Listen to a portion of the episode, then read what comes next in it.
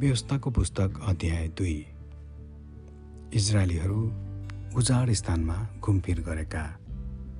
तब परमप्रभुले मलाई भन्नुभए झैँ हामी फर्केर लाल समुद्रको दिशातर्फ उजाड स्थानतिर लाग्यौँ र धेरै दिनसम्म शेरको पहाडी देशको फेरो लगायौँ अनि परमप्रभुले मलाई भन्नुभयो तिमीहरूले यस पहाडी देशको फेरो लगाएको धेरै दिन भयो।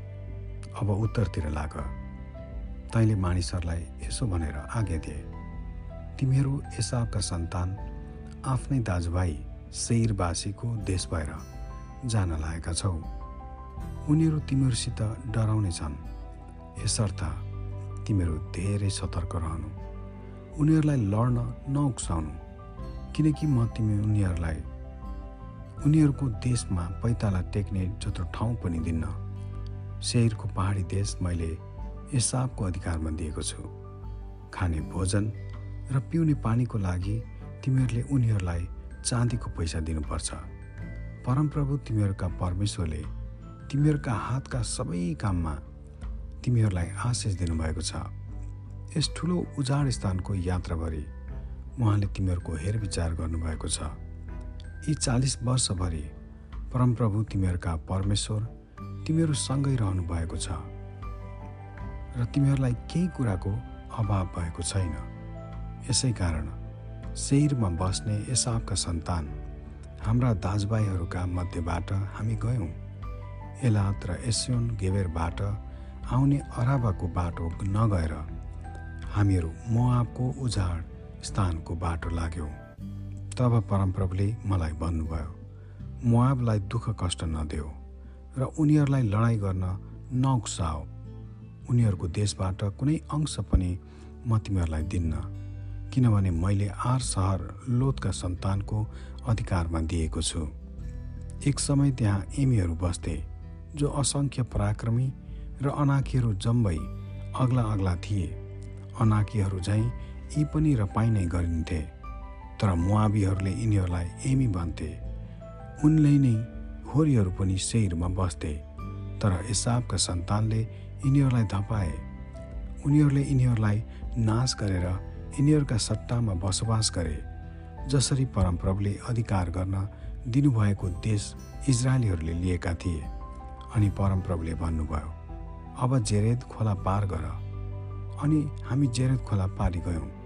परमप्रभुले शपथ खानु भए झैँ हामीहरूको छाउनीबाट लडाइँ गर्ने मानिसहरू सबै नष्ट नहुन्जेल। कादेश बर्नेबाट जेरेद खोला पारिसम्म आइपुग्न हामीलाई अडतिस वर्ष लाग्यो। छाउनीबाट ती सबै नष्ट नहुन्जेल परमप्रभुको हात तिनीहरूका विरुद्धमा रह्यो। जनसमुदायका माझबाट लडाइँ गर्ने मानिसहरू सबै नष्ट भइसकेपछि परमप्रभुले मलाई यसो भन्नुभयो आज तिमीहरूलाई मुआबको सिमानामा परेको आर सहर नागेर जानु परेको छ जब तिमीहरू अम्मोनीहरूको सिमानामा पुग्छौ तब उनीहरूलाई दुःख कष्ट नदेऊ। उनीहरूलाई लडाइँ गर्न नउक्साओ किनकि अम्मोनीहरूको देशबाट अधिकारको निम्ति म कुनै अंश पनि तिमीहरूलाई दिन्न। मैले यो लोतका सन्तानको अधिकारमा दिएको छु। त्यो पनि रपाईहरूको देश गनिन्थ्यो।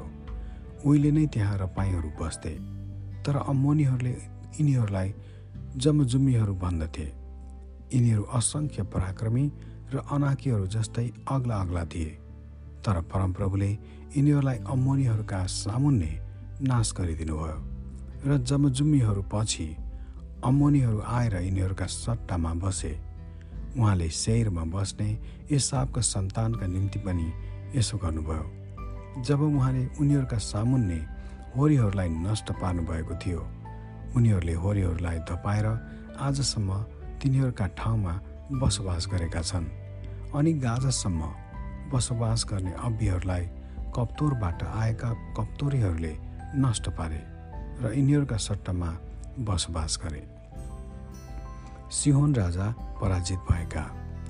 उठ यात्रा सुरु गर र अर्नुन खोला पारी जाओ हेर मैले हेसबोनको राजा एमोरी सिहोन र त्यसको देश तिमीहरूका हातमा दिएको छु। त्यो अधिकार गर्न सुरु गर र त्यससित युद्ध गर। आजको दिन सारा आकाशमुनि भएका जातिहरूमाथि तिमीहरूको डर र भय म हालिदिनेछु उनीहरू तिमीहरूका विषयमा सुनेर थरथर काम्नेछन् र विचलित हुनेछन्। कतै मोतको उजाड स्थानबाट हेजबनका राजा सिउनका शान्तिको प्रस्तावसहित मैले दूतहरूलाई यसो भनेर पठाएँ हामीलाई तपाईँको राज्यबाट भएर जान दिनुहोस्।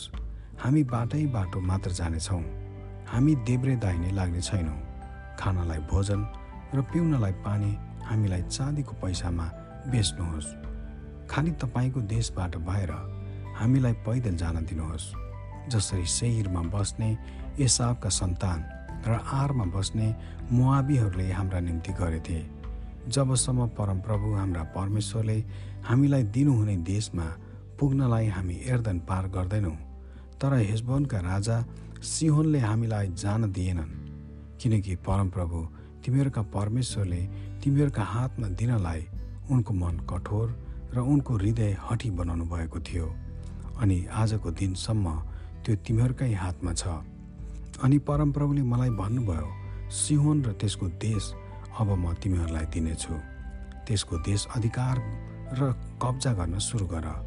जब सिहोन उनका सबै फौज समेत यसा भन्ने ठाउँमा हामीसँग लड्न आए तब परमप्रभु हाम्रा परमेश्वरले उनलाई हाम्रा हातमा सुम्पिदिनु भयो र उनलाई उनका छोराहरूलाई र उनका सबै मानिसहरूलाई हामीले मार्यौँ। त्यसबेला हामीले उनका सबै सहरहरू लियौँ अनि स्त्रीहरू र बालबच्चाहरूलाई समेत मानिसहरू बसेको प्रत्येक सहरलाई पूर्ण रूपले नाश पार्यौँ। हामीले कसैलाई पनि छोडेनौँ। हामीले कब्जा गरेका सहरहरूका धनमाल र गाईबस्तु मात्र हामीले आफ्नो निम्ति जितका माल स्वरूप लियौँ। अर्नोन खोलाको छेउमा भएको अरोएरदेखि र खोलाको किनारमा भएको सहरदेखि गिलाससम्म हामीले लिन नसक्ने शक्तिशाली सहर कुनै थिएन। परमप्रभु हाम्रा परमेश्वरले सबै हाम्रा हातमा सुम्पिदिनुभयो। केवल अम्मोनीहरूका सन्तानका देशको छेउमा एब्बोक नदीका सबै किनारहरूका जग्गामा र पहाडी देशका सहरहरू परमप्रभु हाम्रा परमेश्वरले आज्ञा गर्नुभए अनुसार तिमीहरू आएनौ। आमेन।